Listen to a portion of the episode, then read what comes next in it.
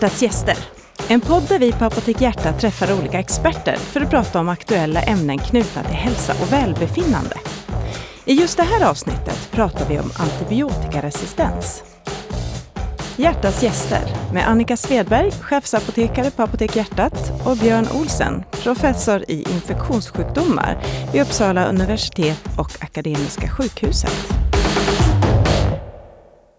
Antibiotikaresistens är ett begrepp som vi har hört talas om mycket under senare år.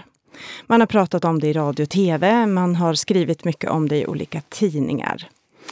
Det här anses vara ett stort hot mot folkhälsan. Eh, det anser man både i Sverige, många experter inom området uttalar sig, bland annat Björn som är här idag. Eh, men även Världshälsoorganisationen, WHO, klassar just antibiotikaresistens som ett av de största hoten mot folkhälsan. Men vad är egentligen antibiotikaresistens och hur kommer det sig att det sprider sig som det gör? Och framför allt, vad kan man göra för att motverka det här hotet? Det och mycket mer hoppas vi kunna få svar på idag när vi har bjudit hit Björn Olsen. Varmt välkommen till Hjärtats gäster. Tack.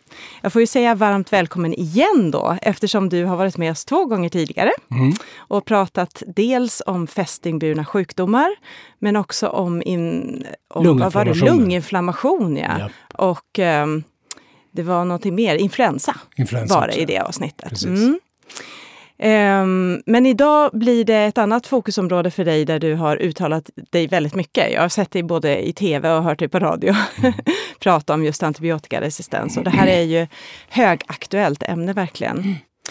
Men vi kanske ska börja med att reda ut begreppen. Vad är egentligen antibiotikaresistens? Och för att eh, gå ett steg tillbaka ytterligare så kan du nämna någonting om antibiotika som är ett läkemedel som används vid infektionssjukdomar? Det är ju många olika läkemedel egentligen, eller hur? Mm, det är det. Det är en hel grupp av läkemedel som används för att eh, kan säga, bekämpa bakterieinfektioner. Mm.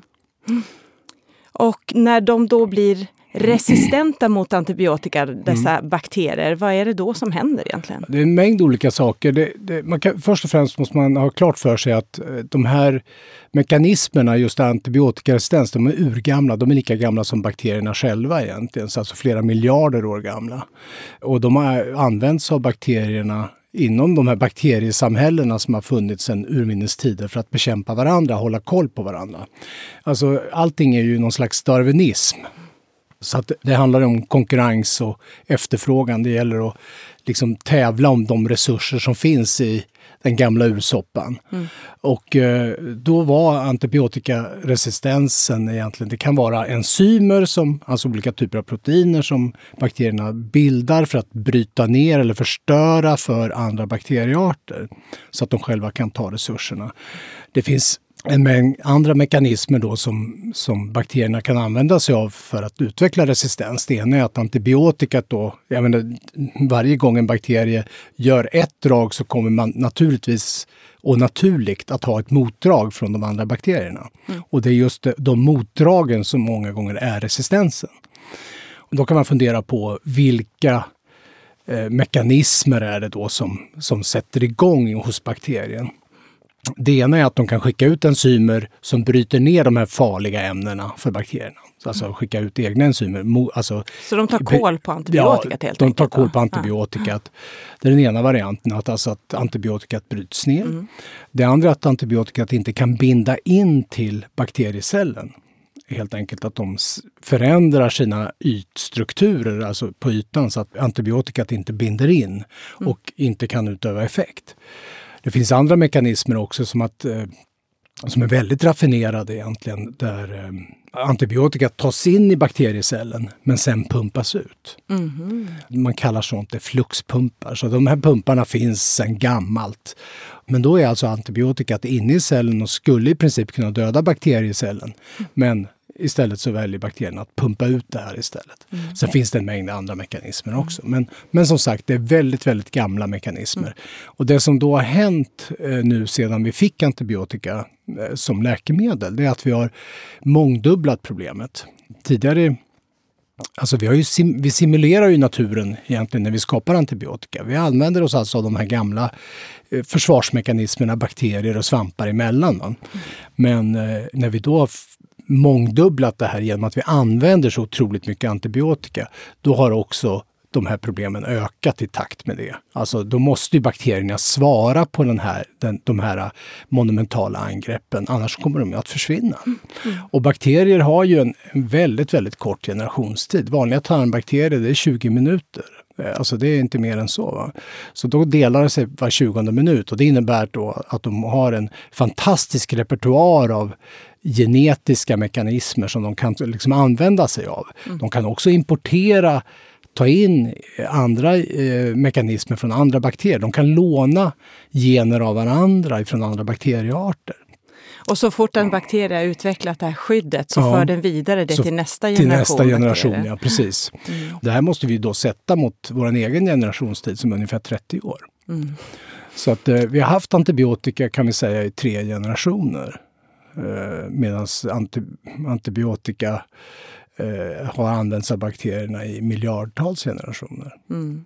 I form av svampar då, kan man väl säga? Svamp, till viss del. Ja, inte bara svamparna, men de olika ämnen som svampar och bakterier utsöndrar. Ja, för att liksom bekämpa varandra, hålla reda på varandra. Ja. Men du, eh, då har vi rätt ut hur eh, antibiotikaresistens utvecklar det. Alltså att mm. bakterierna helt enkelt hittar på en massa sätt att skydda sig mot mm. antibiotika, så mm. att antibiotika inte längre ger effekt. Mm. Och vad ger det det för konsekvenser för oss människor och djur som också behandlas? Ja, alltså, jag, jag brukar säga det att antibiotikaresistensen är vårdens klimatkatastrof. Mm. Det kommer på sikt faktiskt att förändra den sjukvård som vi tar för given. Hur då? Vi, ja, just att uh, många av de infektioner som vi uh, behandlar med antibiotika kommer vi inte kunna behandla i framtiden på grund av den här skenande antibiotikaresistensen. Mm. Och dessutom i och med att våran, i och med att våran eh, sjukvård är så extremt högteknologisk idag. Vi kan ju göra så otroligt mycket. Vi har ett fönster nu när vi kan göra väldigt mycket. Vi har cancerbehandlingar, vi kan göra stora operationer, vi kan byta, stoppa in proteser i kroppen och så vidare. och så vidare. Det är en mängd olika saker som vi inte kunde för låt säga hundra år sedan. Men som vi nu gör och gör framgångsrikt. Problemet är att när man exempelvis genomgår en cancerbehandling, då är man tvungen att trycka ner immunförsvaret. Och eh, det som händer när man trycker ner immunförsvaret, det är att eh, de bakterier man har i kroppen växer till. Man, man, släpper liksom, immunförsvaret håller ju reda på de bakterier som vi har på hudytan eller på alla slemhinnor. Och är det så att de växer till och är antibiotikaresistenta, då får man alltså eh, man får nästan alltid en infektion men grundförutsättningen är att man ska kunna behandla den infektionen för att rädda patienten. Är det då så att de bakterier som växer till är antibiotikaresistenta eller gravt antibiotikaresistenta, då överlever inte patienten. Nej. Då får man en, en infektion som löper amok och mm. som inte är behandlingsbar. Mm. Eller man måste behandla med en mängd olika antibiotika för att åtminstone hålla den under kontroll. Mm. Ja, det är kanske sånt som man inte riktigt tänker på det här med vad, hur mycket man faktiskt använder antibiotika vid olika typer av operationer och behandlingar i sjukvården. Mm. Eh, det som de flesta tänker på det är ju att man plötsligt kanske inte kan använda antibiotika vid en vanlig infektion som luft, mm. lunginflammation, mm. öroninfektion och så vidare. Mm. Men det är ju oftast inte dödliga infektioner. Det. Ja, lunginflammationerna kan ju... Lunginflammationerna ja, kan det vara. Det kan, och, och, även urinvägsinfektionerna kan bli dödliga om de liksom går vidare från det, det egna ska vi säga, organsystemet. Alltså antingen lungorna och sprids ut i kroppen, mm. alltså så att det, det blir en blodförgiftning. Mm. Eller att det går från urinvägarna ut i kroppen och blir en blodförgiftning. Då mm. blir de ju plötsligt dödliga. Mm. Och eh, både bakterier som orsakar lunginflammation och som orsakar eh, urinvägsinfektioner. De bakterierna är särskilt utsatta just för det här med antibiotikaresistens. Det är de mm. som är de stora problembakterierna i mångt och mycket. Mm. Och särskilt de bakterierna skulle jag säga som orsakar urinvägsinfektioner. För att eh, det är oftast tarmbakterier. Mm. Men, vi, ja, vi, vi, måste också ha klart för oss vad vi är egentligen. För att jag menar, många tänker oss, eh, vi människor, som en bunt celler som går omkring och så har vi känslor och så tycker vi massa saker. Men eh, om vi tänker efter riktigt ordentligt eh, så är det faktiskt så att vi har kanske hundra gånger så många bakterieceller i kroppen än vad vi har egna celler. Så, och kanske tusen gånger så mycket virus i kroppen som vi har egna celler. Så frågan var, är en människa egentligen? Egentligen är vi ett, faktiskt ett mikrobiellt samhälle som går omkring med mm. ett, ett, liksom ett skal av egna celler. Mm. Och det är faktiskt så vist ordnat också så att till och med arvsmassan, stora delar av vår arvsmassa, den är inte vår egen egentligen. Utan det är gammal virusarvsmassa som har kommit in i kroppen. Alltså under evolutionens gång, sen vi var amöbor. Så man brukar säga mellan 40 och 50 procent är såna, just sån här virusarvsmassa. Så att vi som människor så är vi en, en blandning av olika organismer. Och det gäller att de här organismerna lever på något sätt i harmoni med varandra för att människan, människokroppen ska fungera optimalt. Mm. Nu kanske det är någon som sitter och funderar över de här antibiotikasorterna om de inte tar koll på de här goda bakterierna också, för det har vi ju väldigt många av.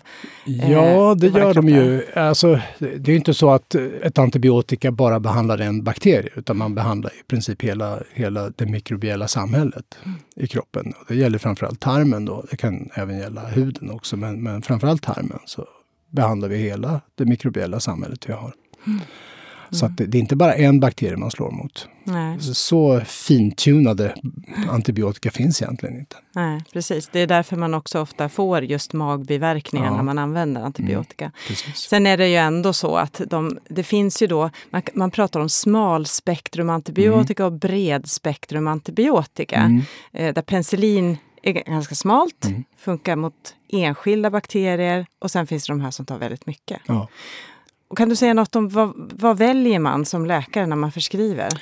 Man kan säga så här, om man, om man har en klar idé om vilken infektion som patienten är drabbad av, då väljer man ju antibiotika som är så smalt som möjligt. Om vi säger någon som har halsfluss, då vet vi att det är streptokocker. Och då kan man använda vanligt penicillin som har just en, ett väldigt smalt spektrum. Det angriper inte så många bakteriearter egentligen. Och så har en bra effekt på streptokocker. Och då får man inte så stora ekologiska konsekvenser i kroppen. Mm. Medan om vi säger att du har en bakterieinfektion där du inte vet orsaken, alltså kommer in med blodförgiftning eller kommer in med svårt sjuk i ett febertillstånd och man misstänker att det är en bakterieinfektion. Då kanske man inte har en tydlig och klar bakterieorsak i, bot, i tanken direkt. Utan då måste man satsa på bredare behandlingar. Och då kan man använda antibiotika som slår väldigt, väldigt brett mot en mängd olika bakteriearter. Mm. Och hur tänker man som förskrivare, läkare, nu när vi har hotet om antibiotikaresistens runt, runt hörnet? Vad är viktigt att tänka på som läkare när du förskriver antibiotika? Ja, det är inte runt hörnet längre, det är ju faktiskt Nej. i rummet. Ja. Vi har det mitt i rummet nu. Och ja. Eh, jag ska säga det att det, det är väl att vara eh, noga med indikationen varför man skriver ut antibiotika. Att man ha, gör det på en vettig indikation. Alltså att det ska finnas en stark misstanke om att en bakterieinfektion. Jag kommer ihåg att vi pratade om det här tidigare när vi pratade om just luftvägsinfektioner och eh, vad många inte tänker på och vad som går just nu under våren, det är ju ofta så här övre luftvägsinfektioner. Och nio av tio övre luftvägsinfektioner är orsakade av eh, eh, virus. Men man får ju ändå mer antibiotika så att säga. Man får, ja, man får, det förskrivs alldeles för mycket antibiotika eh, just i samband med sådana infektioner. Där man vet att det är virus och där antibiotika inte hjälper. Mm. Utan det har sin egen tidtabell och det läker ut så småningom. Mm. Eh, så det här promiskuösa användandet av antibiotika, det är någonting som bland annat driver resistensen. Mm. Och då vet jag att vi är ändå ganska duktiga i Sverige. Mycket duktiga. Mm, mm. jämfört med övriga världen. Oh ja, oh ja. Och det har ju också lett till att även om vi har antibiotikaresistens i rummet som du säger, det är mm. högaktuellt även i Sverige, så är vi mindre drabbade än många andra länder. Mm.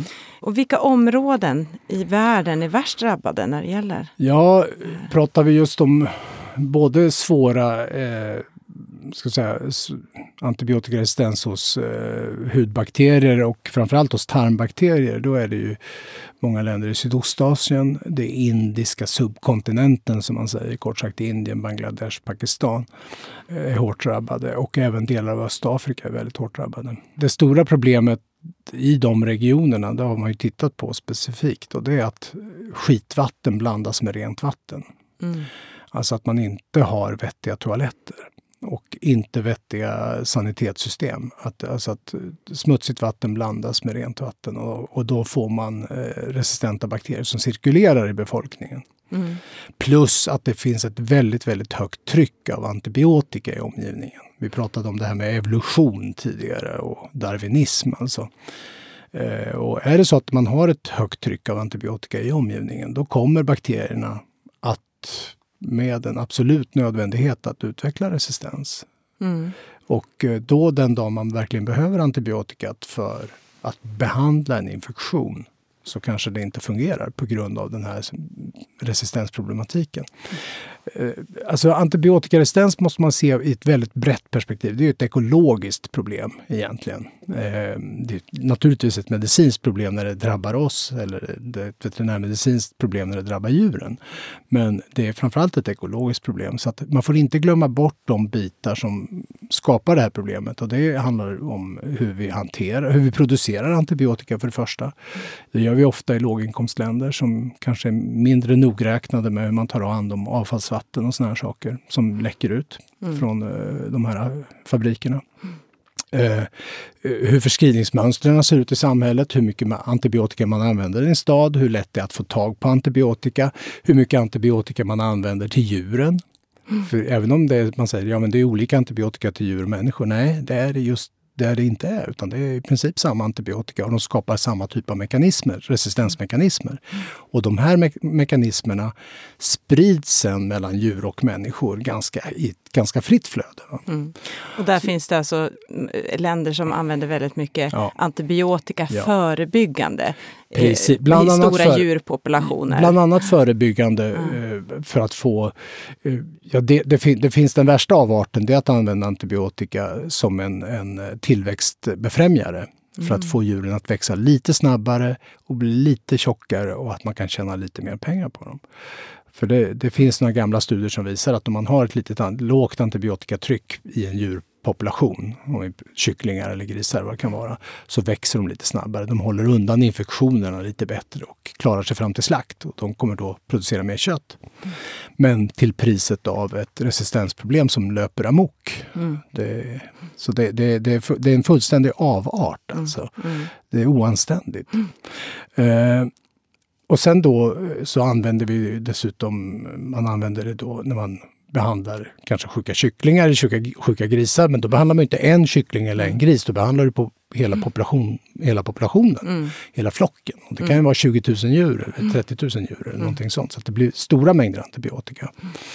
Och sen i slutfasen då, när antibiotikat har gjort sitt i kroppen så åker det ut i avloppsvattnet och blandar sen med, med exempelvis rent vatten. Så att det skapar alltså en, en, en rundgång av de här substanserna. Mm.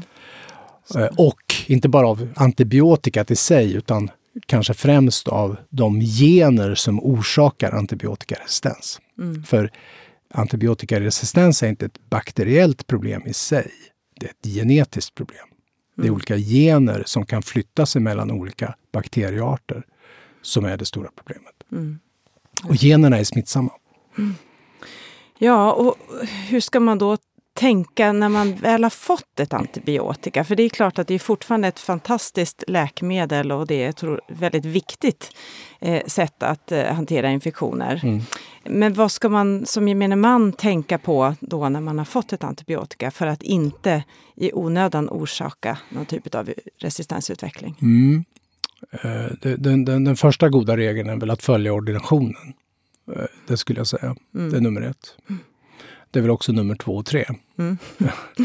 uh, inte avbryta behandlingen nej, för tidigt som är lätt nej. kanske att göra för att man känner sig frisk precis, efter ett par, tre dagar. Precis. Mm. Ibland så är det så att vissa infektioner kräver uh, längre antibiotikabehandlingar. Men å andra sidan så måste jag också säga det att när jag började som infektionsläkare för 30 år sedan då, då uh, var det så att då hade man ganska fixa regler för hur, hur lång tid man skulle behandla vissa infektioner och urinvägsinfektioner exempelvis eller eh, halsfluss eller vad det nu kunde vara och eh, öroninflammationer. Och det var ganska tydliga regler som man följde. Va? Och det var ett visst antal dagar och så skulle man behandlas i så länge. Och de här reglerna har man nu fått revidera efterhand. Man har märkt att ja, men man kan behandla tre dagar kortare här vi är ju nere på tre dagars behandlingar på urinvägsinfektioner hos kvinnor exempelvis. Mm. Bara en sån sak. Mm.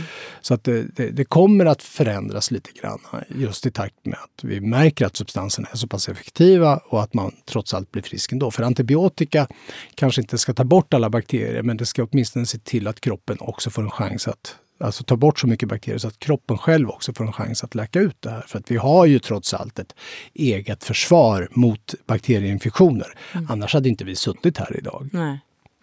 Just det.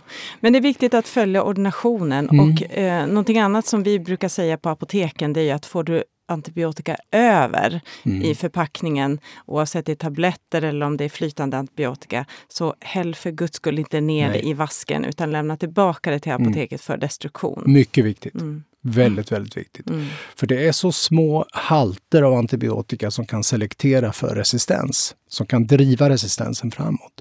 Och det kan vara... Eh, och det här blir ju liksom en, ska vi säga, vad man brukar säga, en, en adderande effekt. Alltså om alla häller på lite antibiotika, till slut så kommer man över en slags tröskel då problemen börjar dyka upp, ut, även ute i naturen. Där bakterier, vanliga tarmbakterier vi har som finns i alltså, åars vatten eller sjöars vatten ut, har utvecklat resistens. Mm. Och det här kan sen komma tillbaka till oss. Mm. Vi ska också ha klart för oss att det finns ju... Vi har ju skapat en mängd olika ekosystem som är ganska märkliga i naturen om man nu säger så. Jag menar, en stad i sig, det är ju ett märkligt, märkligt ekosystem där det, det bor i princip en djurart, människan. Några råttor finns också, några duvor. Eh, och i det ekosystemet där är det ju ett eh, högt flöde av människor. Det är, människor rör sig hela tiden, de kommer in, de flyger ut och så vidare. Så det, det, är hela tiden en cirkulation av människor. Det är cirkulation av mat och det är också cirkulation av antibiotika. Men det mest extrema ekosystemet, det är ju trots allt ett sjukhus. Där har du en art i princip, en djurart, människan. Den är ofta sjuk. Det är ju anledningen till att man ligger på ett sjukhus. Man kan vara immunnedtryckt. Det finns ett högt antibiotikatryck. På grund av platsbrist exempelvis så flyttar man runt de här individerna också i ett kaosartat system.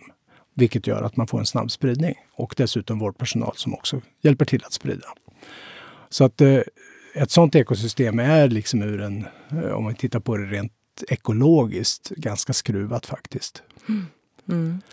Så speciellt när man är utomlands har jag verkligen förstått, ska man, om man kan hålla sig från sjukhuset, så behöver man ju ibland sjukhusvård ja, i alla fall. absolut. Mm. Jag brukar säga att oskuret är bäst. Ja. ja. Mm, så man precis. ska inte bryta några barriärer. Så därför ett litet råd till alla som ska åka utomlands. Hyr inte motorcykel.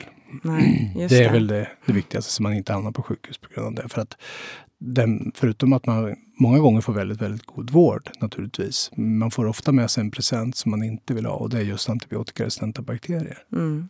Man brukar säga multiresistenta bakterier ja. ibland också. Det är mm. de som är... Det är de som är extremt ja. resistenta. Som är i princip, vi, vi har ju en situation idag där många av de bakterier som orsakar allvarliga infektioner hos människa som cirkulerar framförallt i de här platserna vi nämnde, då, Sydostasien, Indien och eh, Östafrika, i princip inte går att behandla. Mm. Mm. Och vi ska också ha klart för oss en annan sak. Och vi brukar säga att vi tänker på våra barns bästa och så vidare. Att det är alltid det vi har för ögonen. Men det finns ju ingenting i vårt beteende när det gäller antibiotika som tyder på det. Och eh, en nylig undersökning som man publicerade i tidskriften Lancet, Lancet, alltså en väldigt fin tidskrift, vetenskap, medicinsk vetenskaplig tidskrift, visar ju på att de som drabbas absolut hårdast av antibiotikaresistenta infektioner och död, dör av det, det är barn under ett år. Mm. Där har man den stora bulken. Mm. Där, där, eh, de går åt först. Mm. Och de är otroligt hårt drabbade. Mm. Just när man får resistensproblematik. Sen sjunker det lite i åldrarna när man, och så för att sen stiga när man blir lite äldre och börjar bli sjuk av andra anledningar. Ja. Men barnen är mest, man... mest oskyddade i princip. Ja. Och då menar du att man använder antibiotika fel för de här små Men barnen? Det är eller? inte bara att man använder antibiotika till barnen utan det är ju den situation vi redan har skapat. Ja, just det. Alltså att med de bakterier som cirkulerar. Mm. Så att mm. det, oavsett om man använder antibiotika eller inte så, så eh, finns det här problemet och mm. Mm. drabbar framförallt barnen. Ja, och förutom då eh, vad man ska tänka på själv när det gäller antibiotikaanvändning, att, att inte efterfråga antibiotika om inte läkaren verkligen förstår, vet att det här handlar om bakterier, för som du säger, mot virus mm. hjälper inte. Och allt andra vi har pratat om med användning. Så när det gäller djur, mm. vad ska man tänka på där, gemene man, för att minska risken för resistensutveckling? Ja, ska vi prata om, eh, om vi säger de djur som är våra sällskapsdjur? Så har det ju ingen större betydelse. Då är inte det något gigantiskt problem. Även om det finns allt för många hundar kan jag tycka.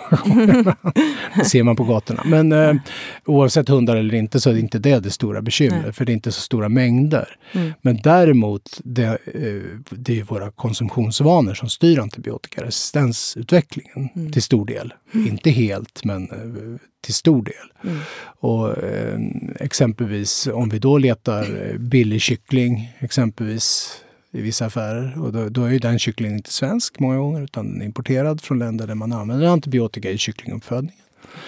Man kanske äter eh, jätteräkor från Sydostasien. Man använder mycket antibiotika till dem.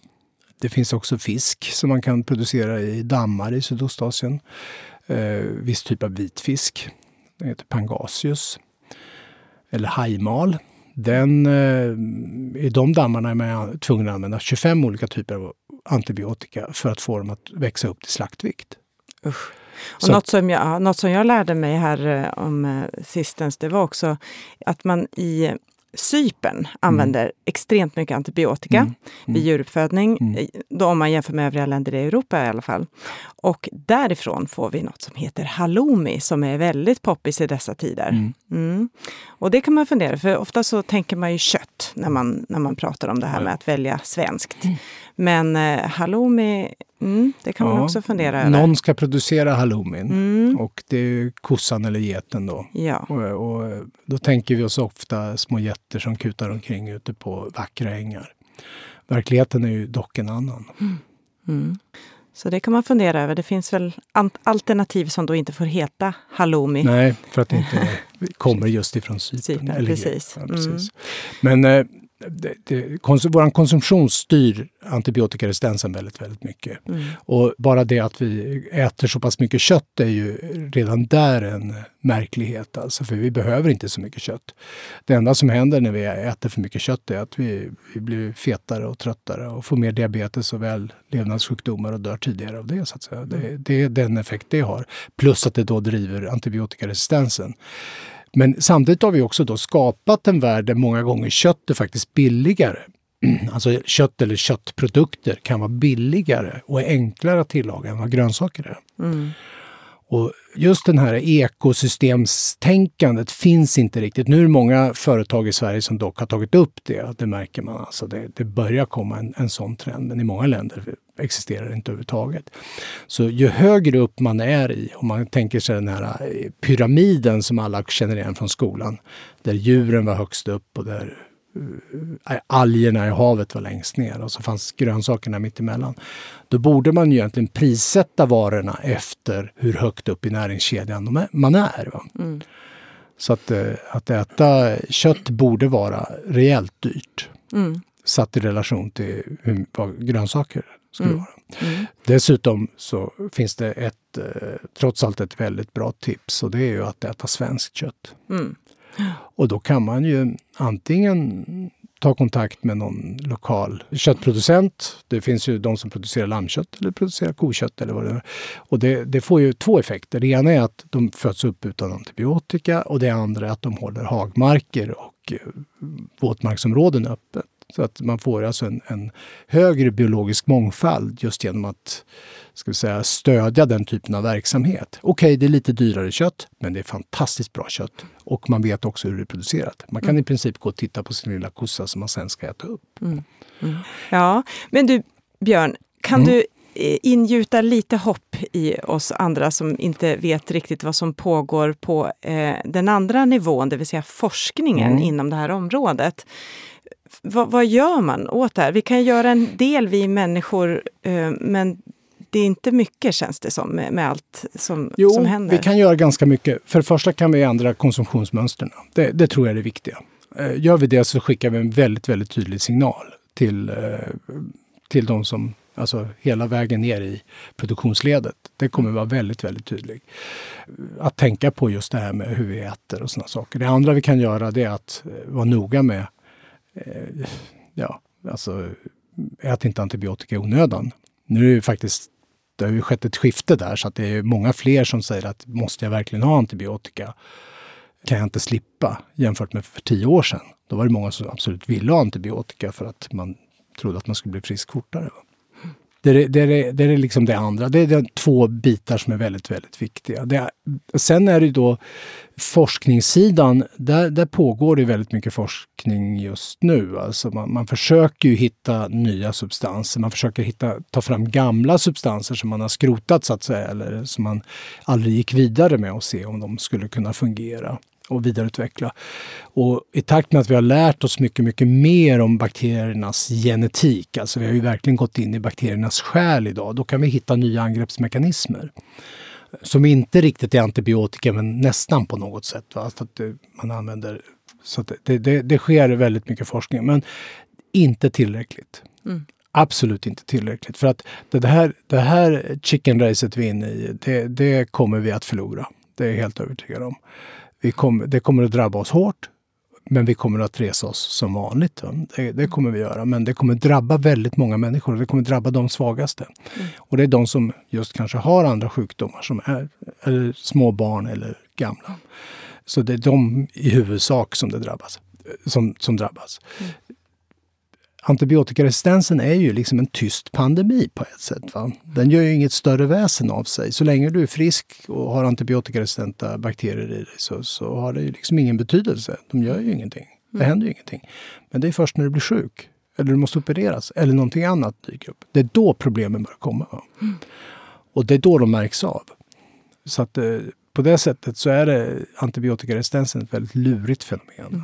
Eh, nu sa du ju någonting som många undrar över också, för det finns mm. ju många som går runt och bär på, på ja. resistenta bakterier. Mm. Man, man, kanske vet det utifrån att man har haft en infektion tidigare, men vad gäller där? Kan man smitta någon annan? Absolut, det kan man göra. Hur, hur då? Alltså, ja, om du har diarré exempelvis mm. kan ju smitta. Mm. Det är ganska lätt. Mm. Dålig handhygien. Du hamnar på sjukhus.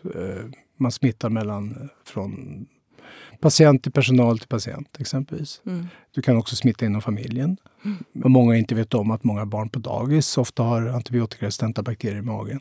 Mm. I många dagis.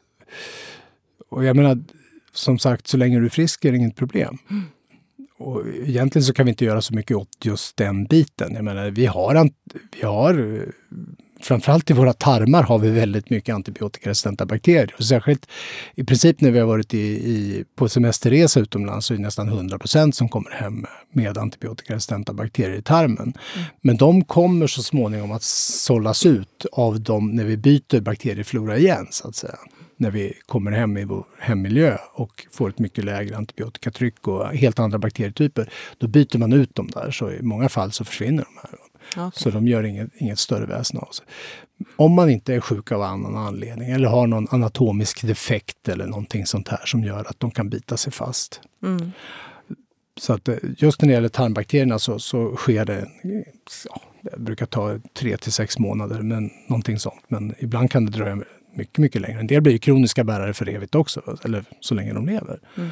Men det är mer sällsynt. Mm. Sen finns det ju hudbakterier också som sådana här MRSA-bakterier, stafylokocker alltså. Som, eh, och de har ju smittskyddsläkarna väldigt bra koll på, mm. i alla fall hade.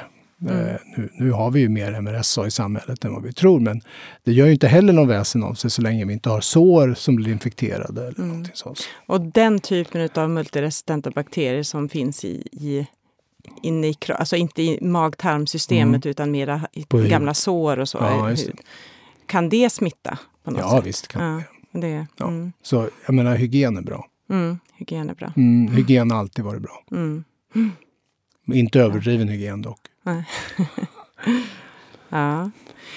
ja, vad säger du nu slutligen vad, till våra lyssnare? Vad är, vad är viktigt framåt nu för oss alla att tänka på? Ja, det, alltså för det första vad vi kan göra själva. Mm.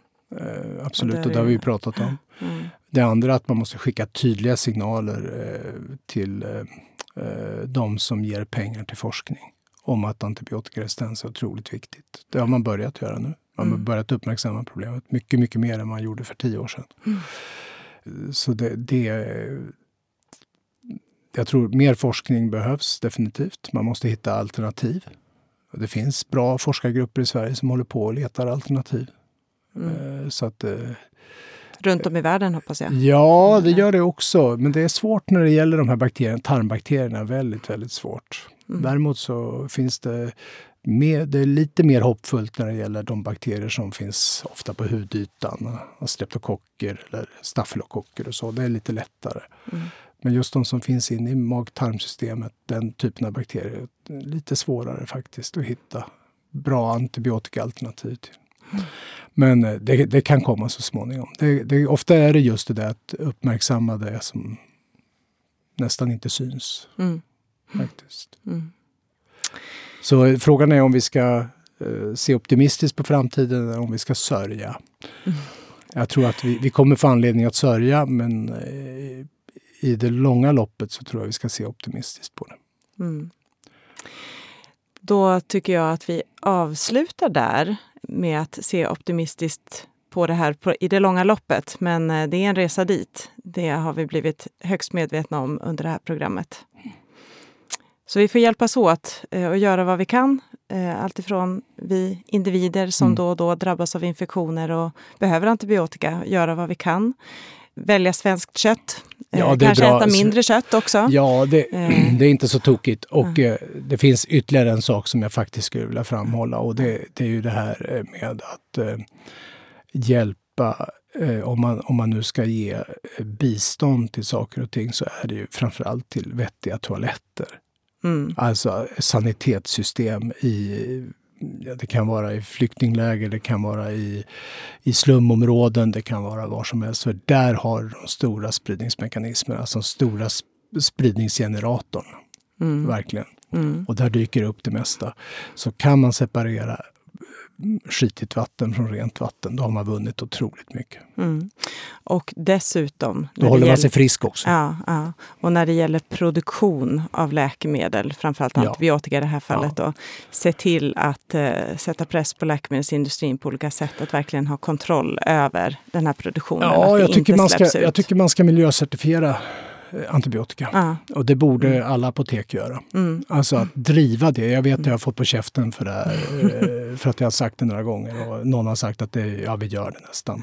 Men, men eh, det bryr jag mig inte om. Jag tycker fortfarande att det är ungefär som vi miljöcertifierar båtbottenfärger eller vad fasen som helst. Mm. Mm. Så kan det vara otroligt viktigt att miljöcertifiera antibiotika. Att veta att det är schysst producerat. Mm och eh, att man har tagit hand om avfallsvattnet. Det, det tycker jag är en otroligt viktig fråga. Mm. Något som vi jobbar med i apoteksbranschen nu, att få hjälp också av övriga myndigheter och, och att sätta mm. press på, på industrin kring. Sätt tummen i ögat på mm. Gör vad vi kan. Ja. Tack så jättemycket för att du kom Björn Tack. och delade med dig av dina kunskaper.